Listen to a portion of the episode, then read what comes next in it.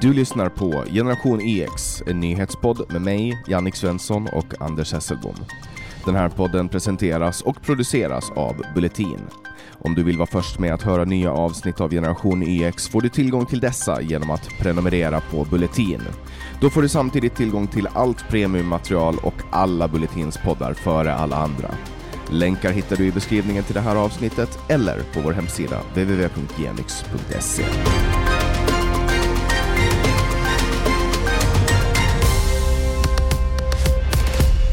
Hej Anders! Tjena Jannik, kul att vara tillbaks. Ja, och eh, ni som lyssnar och inte ännu har nåtts av nyheten kanske notera att vi numera är en del av Bulletin. Yahoo! Mm. Och eh, det är väldigt spännande och väldigt roligt att få ansluta sig till det teamet. Så avsnitten kommer fortsättningsvis att, att släppas, men det kommer att bli lite förändringar eftersom det kommer att till en början då de första dagarna ligga bakom betalvägg förrän det kommer ut till allmänheten. Så ni som vill höra rykande färskt content från oss på Generation YX får jättegärna gå in på bulletin.nu och prenumerera.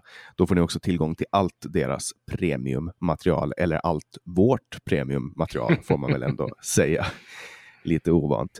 Förutom den goda nyheten så finns det ju lite mer dystra saker att eh, prata om och det är en konflikt i Mellanöstern som har blossat upp mellan Israel och Palestina.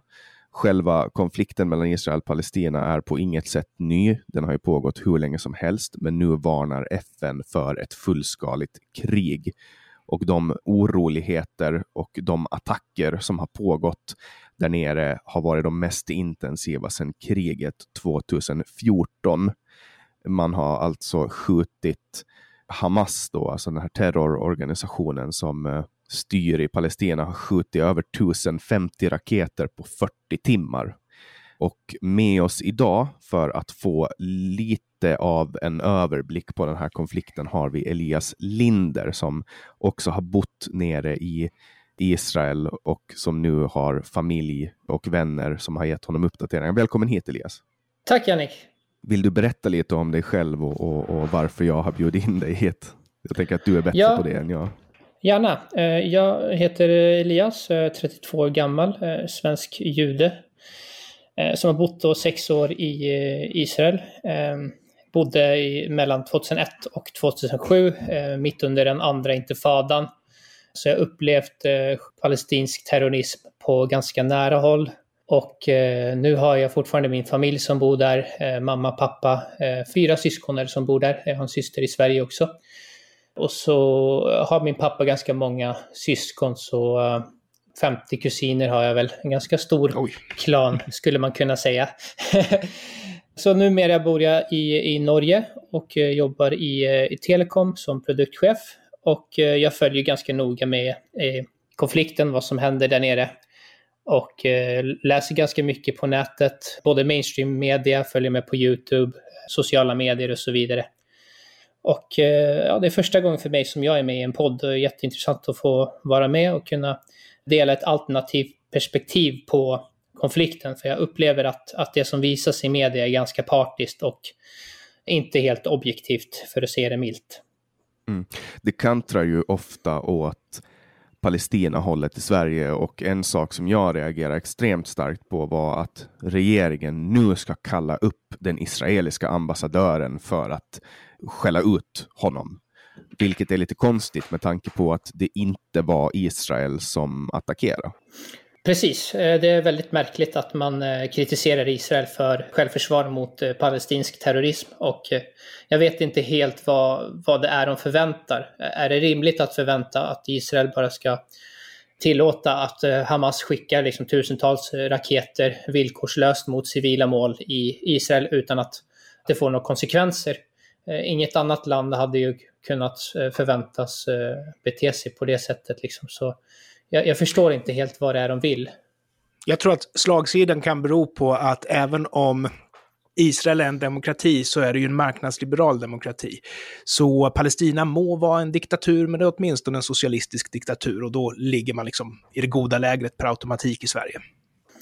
det ligger någonting i det du säger och man har ju en tendens att, att uh, gilla det här uh, Goliat, eller David versus Goliat-narrativet och uh, då tar man per automatik ställning för, för David, David i, den, eh, i det narrativet. Man, man försvarar alltid den svagaste och, eh, och här anser man palestinier att vara den svaga parten, eh, även fast de tar till vissa metoder eh, som Israel, eh, Israel försöker förminska antalet eh, civila som dör medan Hamas gärna dödar så många civila som möjligt. Och så försöker man liksom relativisera och säga att bägge bär ansvar för, för eskaleringen och så vidare.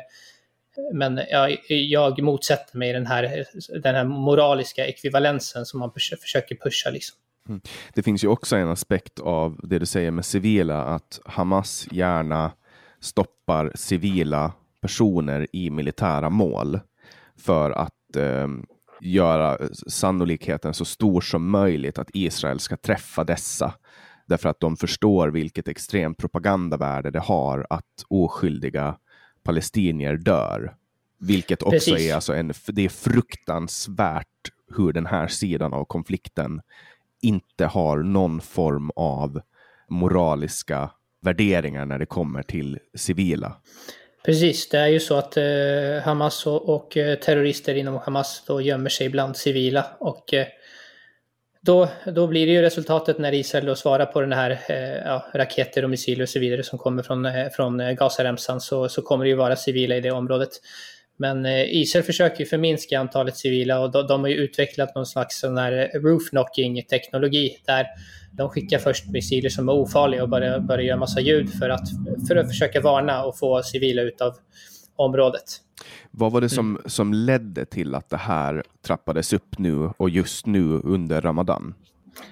Just nu så var det ju det här med att eh, israelisk domstol hade beslutat att vräka fyra palestinska fa familjer från eh, Sheikh Jarrah om man läser om, om den här händelsen i svensk media, i SVT, Aftonbladet, Expressen och så vidare, så får, får man tyvärr inte en, en helhetlig förståelse för historien och, och kontexten i, i, i det som händer nu i Sheikh Jarrah. För att, att eh, för det första att, att ens kalla det Sheikh Jarrah, det, det, det, det, judiska namnet för området är eh, Shimon Hatzadik efter en, en, eh, en judisk präst som är begravd i området. Och jag har en personlig koppling till till just Shimon Hatzadik för min pappa heter Shimon och är alltså uppkallad efter den här eh, Eh, judiska prästen som har varit begravd där i 2000 år. Och eh, judarna köpte ju det här området från araber i, eh, i mitten av 1800-talet och så har det ju bott palestinier såklart i, eh, tillsammans med judar i, i området. Det, det är en del av östra Jerusalem.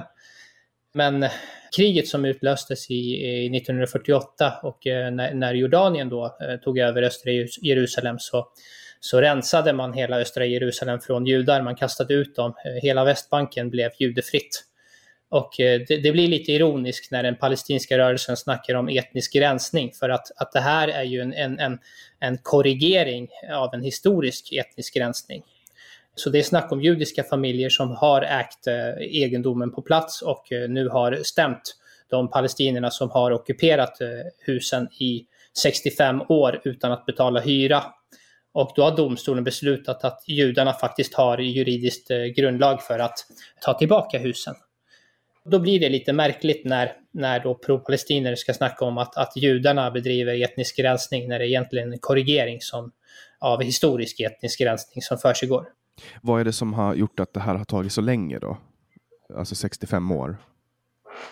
Det är en bra fråga. Det, det, jag vet inte helt varför det tar så lång tid. Det, det, är ju juridiska processer och så vidare. Det är, inte, det är väldigt kontroversiellt att kasta ut palestinier ur sina hem. Det är kanske bra att det tar lång tid. Eh, så kan man ju också tycka att det, skulle, det borde finnas en slags eh, preskriptionstid på sådana här saker och, och eh, det är ju rimligt. Det, Men den här det, konflikten det å andra sidan är ju, alltså tidslinjen för den går ju ända bak till gamla testamentet.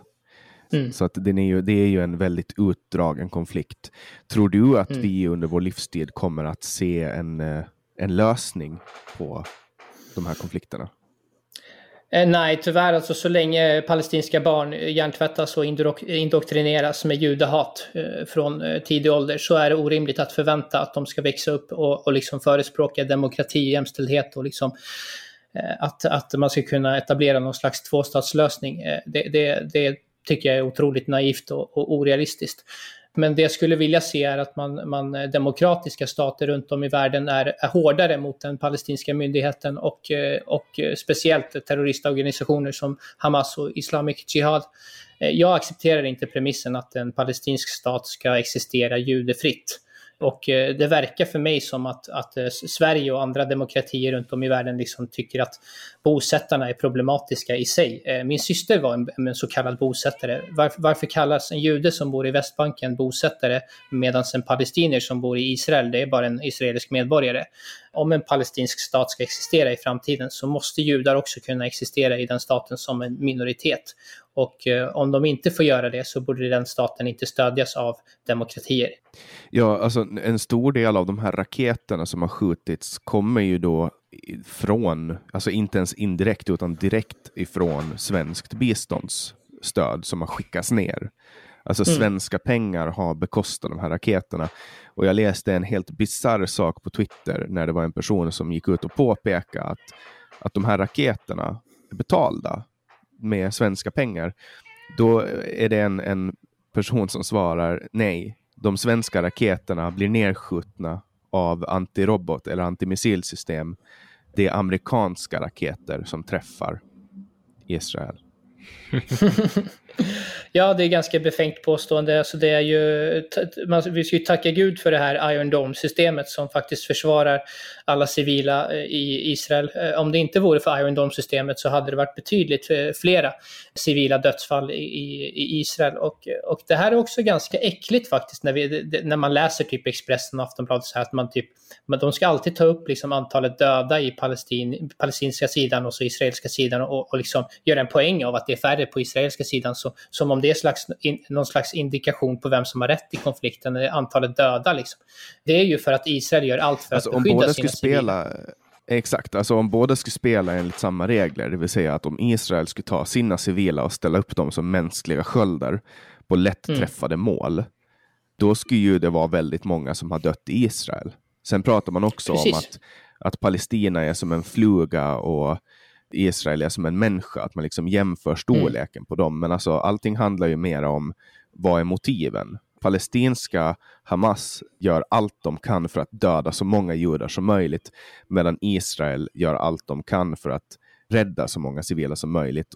Och de attackerar ju mål som svar på attacker. Alltså, man kan ju inte tillåta att människor attackerar ett land. Alltså om Danmark skulle anfalla Sverige, och säg nu att Sverige skulle vara jätte, jätte militärt överlägset.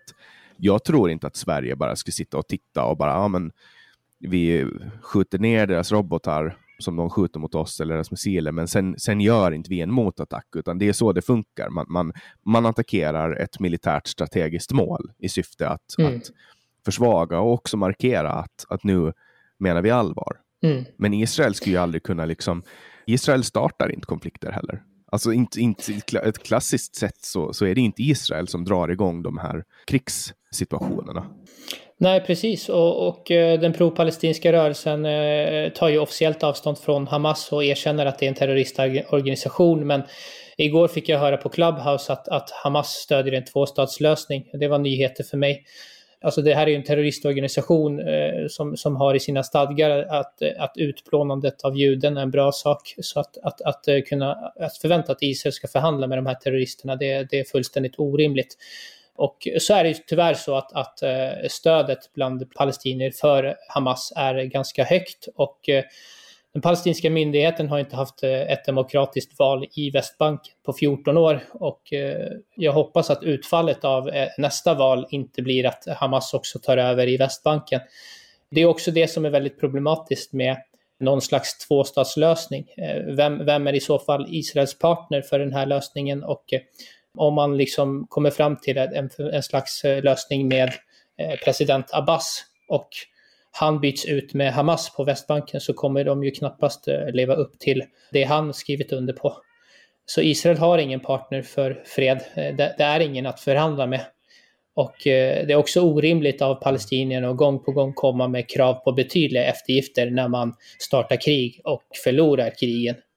Jag har hört folk prata om en lösning där man skulle ha, man skulle ge ett område mellan Israel och Palestinas gräns till typ England. Och då är liksom argumentet att då skulle den sida som vill göra en offensiv attack måste attackera England och ingen vill attackera England. Vad tror du om en sån lösning? En tvåstatslösning med en internationell eller ett annat lands gräns inne i landet? Eh, jag tror historien bevisar att, att, att om England eller britterna blir attackerade av palestinier eller den israeliska sidan för den delen så är de ganska snabba på att, eh, att lämna landet. Det var, det var ju ungefär det som hände i, innan Israel etablerades 1947 och 1948 då, då britterna faktiskt hade kontroll över hela det brittiska mandatet, hela Israel-Palestina. Så härjade, eh, det var ju krig liksom mellan eh, judar och araber och eh, britterna stack, de drog hem. Men om man skulle ta något, något, någon stor makt som USA eller Ryssland liksom? Ja, det, det kanske skulle kunna funka, men alltså det, det är ju snack om ett väldigt litet land, så var, vart skulle den här internationella staten ligga? Eh, det, det är också ett religiöst krig för att, för att både judar och palestinier anser att, att eh, det här landet är heligt och att, att eh, det är så pass litet att man inte vill ge ifrån sig så en, en centimeter av av landet. Och eh, från judarnas perspektiv så existerar det liksom eh, 50 muslimska länder och eh, ungefär 20 arabiska länder Så man tycker det är ganska girigt av araberna att förvänta att judarna ska ge ifrån sig ännu mer mark. Att, att judarna kanske skulle kunna få ha ett, ett, ett litet område som, som är deras egna. Mm. Ja, jättestort tack Elias för att du kom hit och kastade ljus på en liten, liten bit av den här stora, stora konflikten. Tack så hemskt Tack mycket. Tack själv Jannik. Tack. Och ja, Anders. Eh, det här är en komplicerad säga? fråga. Jag skulle aldrig gå in i diskussion här, utan jag lyssnar på parterna som berättar. För jag tycker det är alldeles för komplicerat. Och det är alldeles för infekterat och det går tillbaks alldeles för långt. Men det här spiller ju över de här konflikterna. Vi vet ju att judar har en utsatt situation även i Sverige. Och det, det bästa vi kan göra är att hålla det här på agendan och jag tycker det är jättebra att vi pratar med sådana som Elias. Mm. Och eh, på tal om då antisemitism. När jag tänker på antisemitism så tänker jag ofta på Margot Wallström. och eh, hon har, ju, hon har ju varit ute och kritiserat att Vårdguiden rekommenderar att man inte ska använda ordet kvinna eh, eller man när det kommer till folk som är gravida då eller, eller håller, har någon form av prostataproblem och så vidare. Och det roliga med det här, det är ju att Margot Wallström har ju varit med och skapa hela det här systemet som premierar människor som försöker avköna och liksom gå bort från det evolutionära faktum att det är skillnad på män och kvinnor. Ja, alltså, jag måste ju försvara dem som vill identifiera sig som någonting annat än vad deras kromosomer säger att de är. Och det måste vi. Jag menar, om det är så att jag vill att du ska kalla mig för Hans Majestät för att jag identifierar mig som Hans Majestät, då får du ju 17 ta och göra det. det. Det är liksom inte konstigare än så. Däremot så finns det ju situationer när eh, kromosomkönet faktiskt är viktigt. Och det är ju inom sjukvård. Sen kan jag ju förstå, jag menar 1177, de vill väl vinna godhetspoäng på att anpassa sig och sådana saker. Men det här får en ganska intressant spin-off. Och du vet ju om att det finns ju kromosommän som identifierar sig som kvinnor för att få plats i kvinnoklassen i elitidrotten till exempel. Mm. Jag menar, där har du ju igen en biologisk orsak till att man vill dela upp mellan könen. Precis så som man har när man pratar om sjukvård. Man har biologiska orsaker till att man vill dela upp könen. Det är för att här... män alltid är bättre i prestationsidrotter. Åtminstone när, när det är fysiskt eh, krävande. Jag, menar, ja, jag vet inte om män alltid är bättre på schack till exempel. Nej, nej men alltså i prestationsidrotter, fysiska prestationsidrotter. Ja, fysiska prestationsidrotter. Där det kommer till uthållighet och mm. OSV, OSV.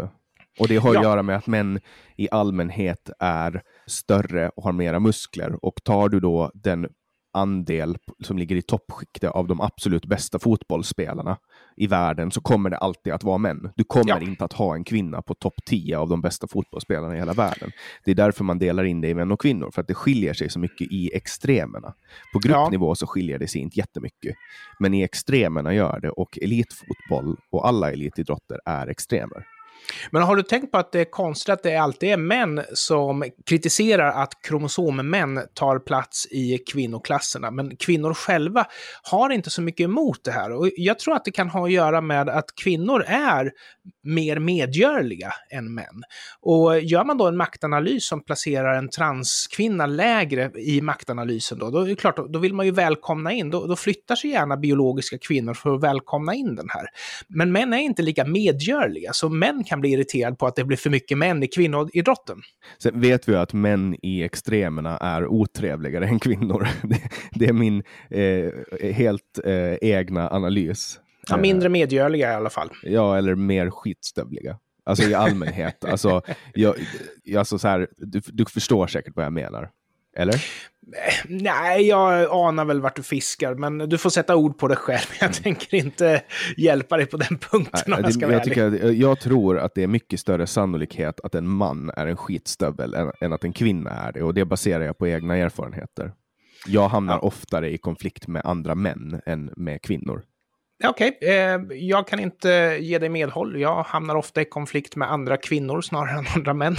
okay. Ja, men vi tar, vi tar nästa grej på listan. Nu, nu, nu känner jag, jag har, idag, det är, det, är, det är en allvarlig dag idag, Anders. Så att idag mm. har inte jag snygga segways över till andra eh, ämnen, utan vi kör rakt av. Jag såg på Twitter, Patricia Pettersson ladda upp en bild från kurslitteratur för svenska för invandrare. Jag citerar. Det här är då en sida i en, i en bok, sidan 13 av någon bok som jag vet inte vad den heter, men så här står det.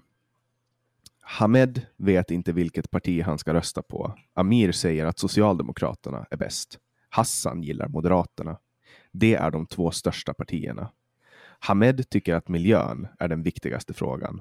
Borde han rösta på Centern? Hamed vet inte. Centern eller Miljöpartiet?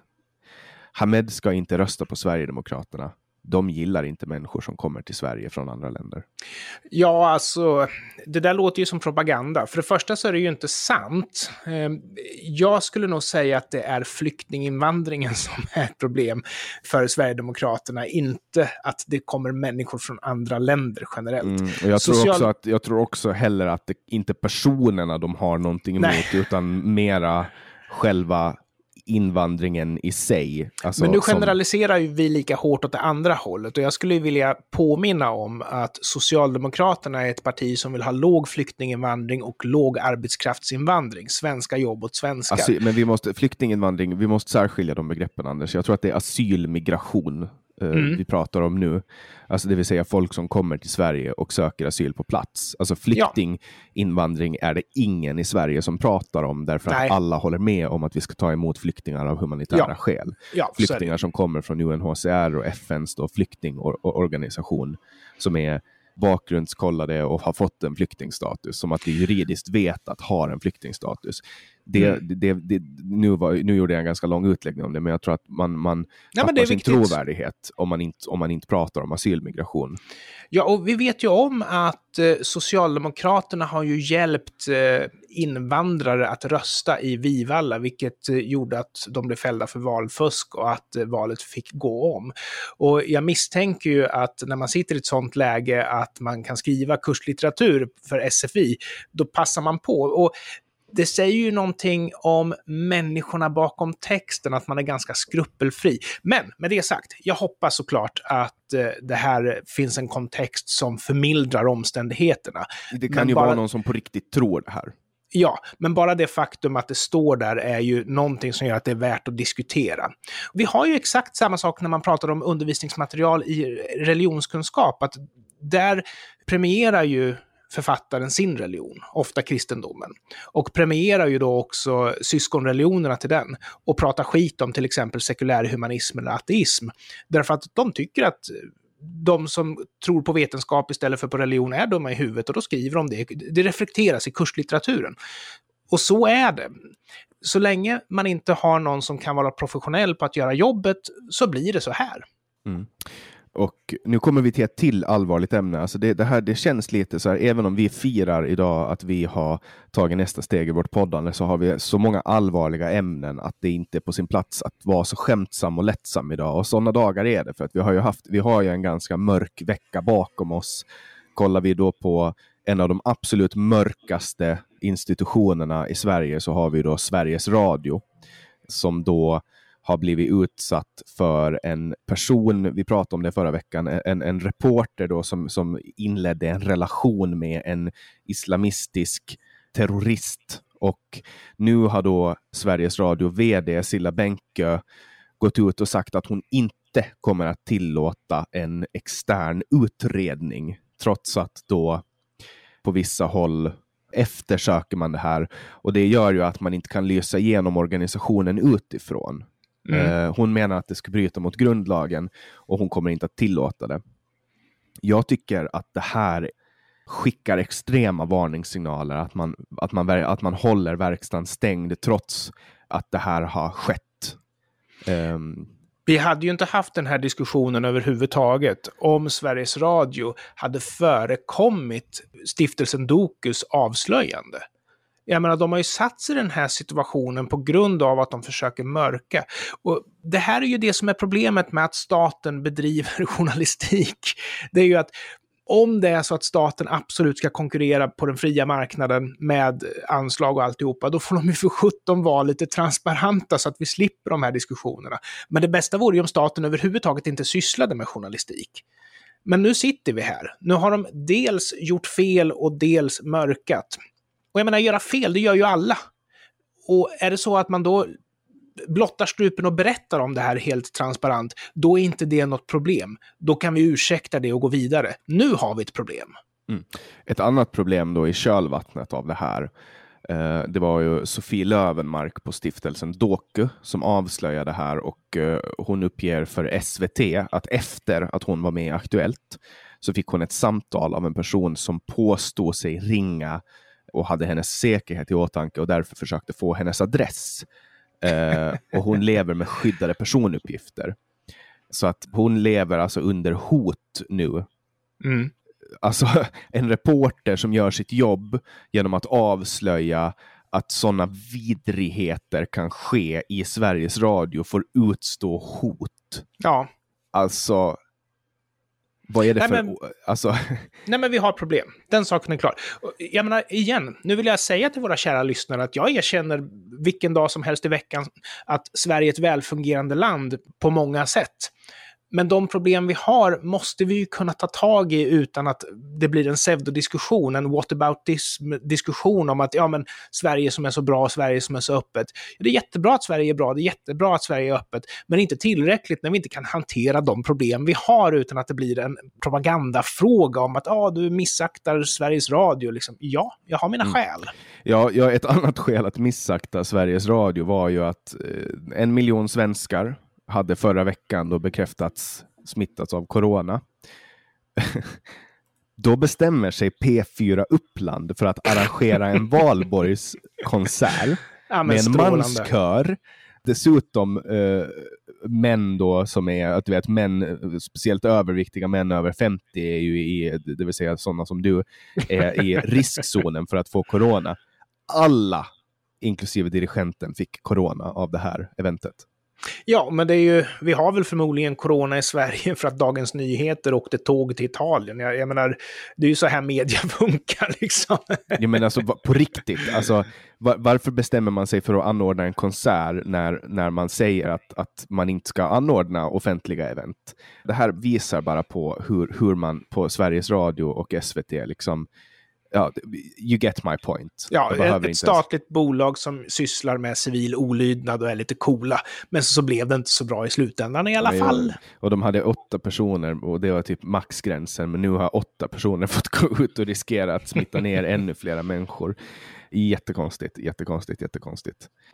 Nu hoppar vi tillbaks lite till det vi pratade om innan, men nu, nu är det ju lite mer allvarliga grejer. Karolinska stoppar hormonbehandlingar av barn med könsdysfori. Ja, men det är bra.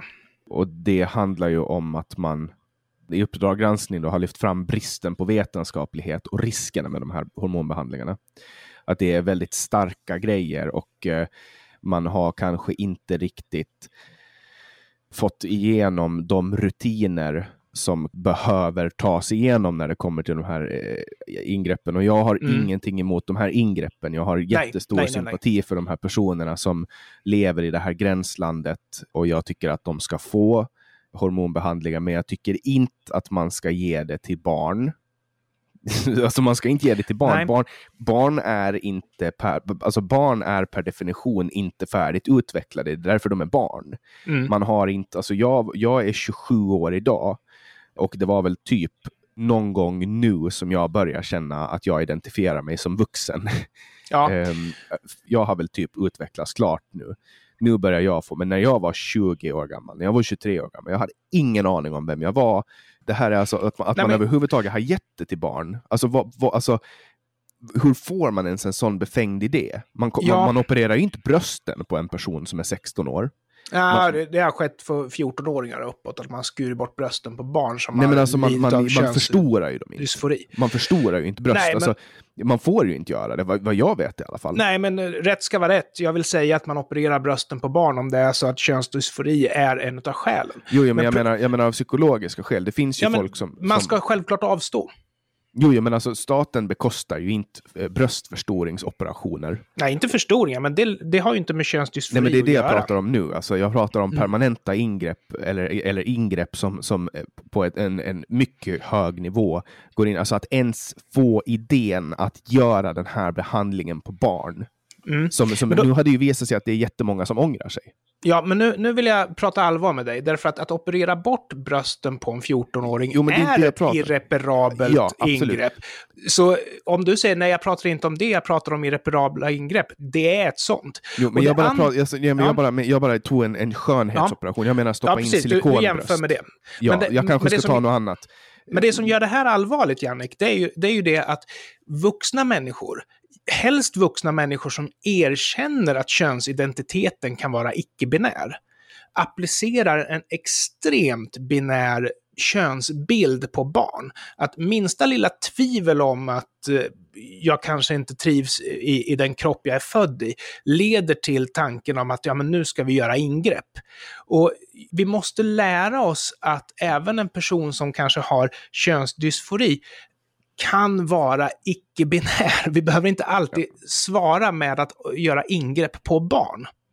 Ja, nej, men jag ska, jag ska ta ansvar för, för att jag lätt kan missförstås där när jag säger ja. det här med bröst. Därför att man har ju då på Karolinska opererat bort bröst på minst en 14-åring. Ja. Eh, det vet vi. Men det jag menar när jag raljerar på det här sättet är att man, alltså en 15-åring som vill förstora sina bröst med silikon får inte göra det på grund av att den är 14. Ja, men bra att du förtydligar ja. det. För jag tror att man, lyssnarna förtjänar att få höra ja, vad du exakt. resonerar. Men och jag är, avbröt dig, så du fick chansen nu. Ja, är man 14, 15, 16, 17, då ska man inte fatta beslut om sin kropp på det sättet, tycker jag, eftersom man inte har satt allting, äh, hela utvecklingen på plats ännu. Nej, självklart. En tatuering, mm, det har lite mera med, med Eh, alltså, det, där, där kan jag liksom sträcka mig att, att säga ja. att när du är 15-16 så kan du tatuera dig om du vill göra det. Men, men det är en handlar... smal, smal, fråga liksom. Ja, men just när det kommer till irreversibla ingrepp som är de, det går inte att, att vända på de här sakerna. Att man börjar behandla någon 16-17-åring som är född som kvinna och, liksom, och sen ångrar de sig och helt plötsligt sitter de där med, med skägg utan bröst och så vill de vara kvinnor. Alltså, mm. det, det om någonting är att, att skada. Ja, för, för då har du ju dels farligheten med den hormonella behandlingen och sen så har du att där kan du ju få könsdysfori på riktigt om det är så att du hamnar i det läget. Och jag tror att lösningen är ju den att om vi tänker oss att det här med kön inte är så, alltså biologiskt kön är ju väldigt binärt. Men könsidentitet, där måste vi vara lite mer öppensinnade. Eh, eh, vi, vi måste liksom tänka på att det kan finnas psykologiska behandlingsmetoder. Och sen när man har levt med den här dysforin ett tag så att man dels har kommit upp i ålder och dels vet att det är könsbyte som är grejen. Fine! Men man ska liksom inte, just det, just det här exemplet med 14-åringen och brösten tycker jag är ett dåligt exempel. Så det är bra att man lägger band på sig här. Mm. Ja, vi ska gå vidare till nästa grej och det är ju ytterligare idioti från regeringen och det är ju den här dumma skatten. På plastpåsar. Det kanske kommer alltså, korta ner den där meningen nej, alltså, Du får bara, lägg bara ett pip över hela den här, för nu, nu tillhör vi, nu, till, nu, nu är vi under bulletin och då får vi hålla vårt språk genom att åtminstone pipa bort det. Så nu får du pipa bort, man får inte höra någonting av vad jag säger Anders. inte, din, inte dina jävla veklingspipningar, utan nu får vi censurera ordentligt. Nej, men så här. Det är ett, ett, företag i Helsingborg som har lagt ner jättemycket pengar på att utveckla en påse som är helt nedbrytningsbar och som kan användas upp till 50 gånger. Det är en miljökasse. Eh, den består av ett, ett material som heter biodolomer och det är en sammansättning av olika eh, råvaror som är förnyelsebara och som då har tillverkats i Sverige. Mm. Och, Mycket eh, bra. Ja, utvecklingen av det här sammansättningen uh, har ingått i ett miljöprogram från EU som har lagt ner massa pengar på att utveckla det. För ett år sedan då, den ödesdigra dagen, första maj, eh, social, socialisternas dag, då fick de med röda fanor skjutsa igenom den här plastpåseskatten, att nu ska vi beskatta plastpåsar. De här plastpåsarna, som är, inte är plastpåsar, är miljövänliga, men nu ska de beskattas. För att de ser nämligen ut som plastpåsar. Ja, alltså till att börja med så har det ju varit ett miljömässigt bakslag med den här plastpåseskatten eftersom vi nu sitter med betydligt värre kinesiska tygpåsar. Liksom. Men det är klart, det är åtminstone kommunistpåsar, så fine. Men det här är ju ett exempel på att skatt kan hämma utvecklingen om det är så att man formulerar reglerna så och så att de inte träffar där de bör träffa. Därför att det här är en miljöpåse som nu inte kommer att kunna vara ekonomiskt gynnsam på grund av skatten. Jag menar, vi lyckades ju sätta skatt på kärnkraften så att den inte blev ekonomiskt lönsam. Och det går ju naturligtvis att sätta skatt på miljövänliga påsar så inte det blir lönsamt. Men du vet, det ligger sugrör i Medelhavet och guppar, det är inte bra. Nej, och sköldpaddor får in dem i sina näsor och dör. Mm. Uh, alltså, men det har det här... ingenting med det här att göra, ska vi kanske Nej, men säga sen. Sen, var det också, det har vi pratat om förut, att, att den här um, skatten, plastpåseskatten, så räknar man ju att skulle ta in så här, över, långt över en miljard kronor och sen visade det sig att det bara var runt så 250 miljoner. Men att man ändå är nöjd för att man är ändå nöjd. För att drivande argumentet för att få igenom den här skatten var ju att öka intäkterna. Men mm. sen, sen tweakar man det ändå när det visar sig att det, det gjorde inte alls det utfallet som man har önskat sig. Då är man nöjd för att försäljningen har minskat. Moderaterna har i alla fall gått ut tidigare i år och, och sagt att de ska riva upp den här skatten. Ja, men jättebra. Och det hoppas jag. Alltså det hoppas mm. jag. Jag tror att vi kommer att, vi kommer ju sannolikt alltid att fortsätta vara i opposition, därför att det, det är väl det som den här podden går ut på egentligen, att vi ska gå igenom nyheter och att vi är ganska bittra. Uh, men, men att kan de åtminstone göra små saker så som att riva upp den här plastpåseskatten så, så kommer ju det att, att hjälpa vår cause. Eh, ja, vi får väl berömma nuvarande regering också när de gör bra grejer. Men samtidigt är det ju så att skatt ska ju ibland vara ett styrmedel och skatt ska ibland vara pengar in. Jag menar, det är ju därför du har skatt både på allt från bensinbilar till solceller är ju för sjutton beskattade. Liksom. Ja, har de börjat alltså, beskatta solenergi som man producerar? Ja, om det är så att du producerar på industriell nivå, inte för hemmabruk. Men poängen är ju Det kommer ju att komma snart, det vet en stor, ja, en stor organisation som vill kunna producera sin egen el på ett miljövänligt sätt borde ju slippa skatta för det. Och dessutom är det ju så att svenska staten äger ju faktiskt inte solen. Jag skulle vilja se den dag Norge bestämmer sig för att det är norska staten som äger solen. Blir det krig då, eller? Ja, men det är, alltså jag, jag vet inte, folk går ju med på vad som helst nu för tiden man kan i princip beskatta vad som helst. Har du kollat på din elräkning någon gång, Anders? Nej, jag är tyvärr lite låtgåig där. Jag ber ja. så mycket om ursäkt ja, för det. Det mesta är ju liksom skatter och avgifter. Det är ju inte el och bruksel nej, nej, så är kostar, det ju. utan det är, det, är, det är tråkigt när man, när man tittar på, på den där. Och, uh... Jag var mentalt förberedd på att så ska, skulle fallet vara, men jag bryr mig bara om att beloppet känns rimligt och sen så låter jag det passera. Men du har rätt. Ja, det är som det är, Jannik. Det är som det är Anders och eh, vi ses igen nästa vecka.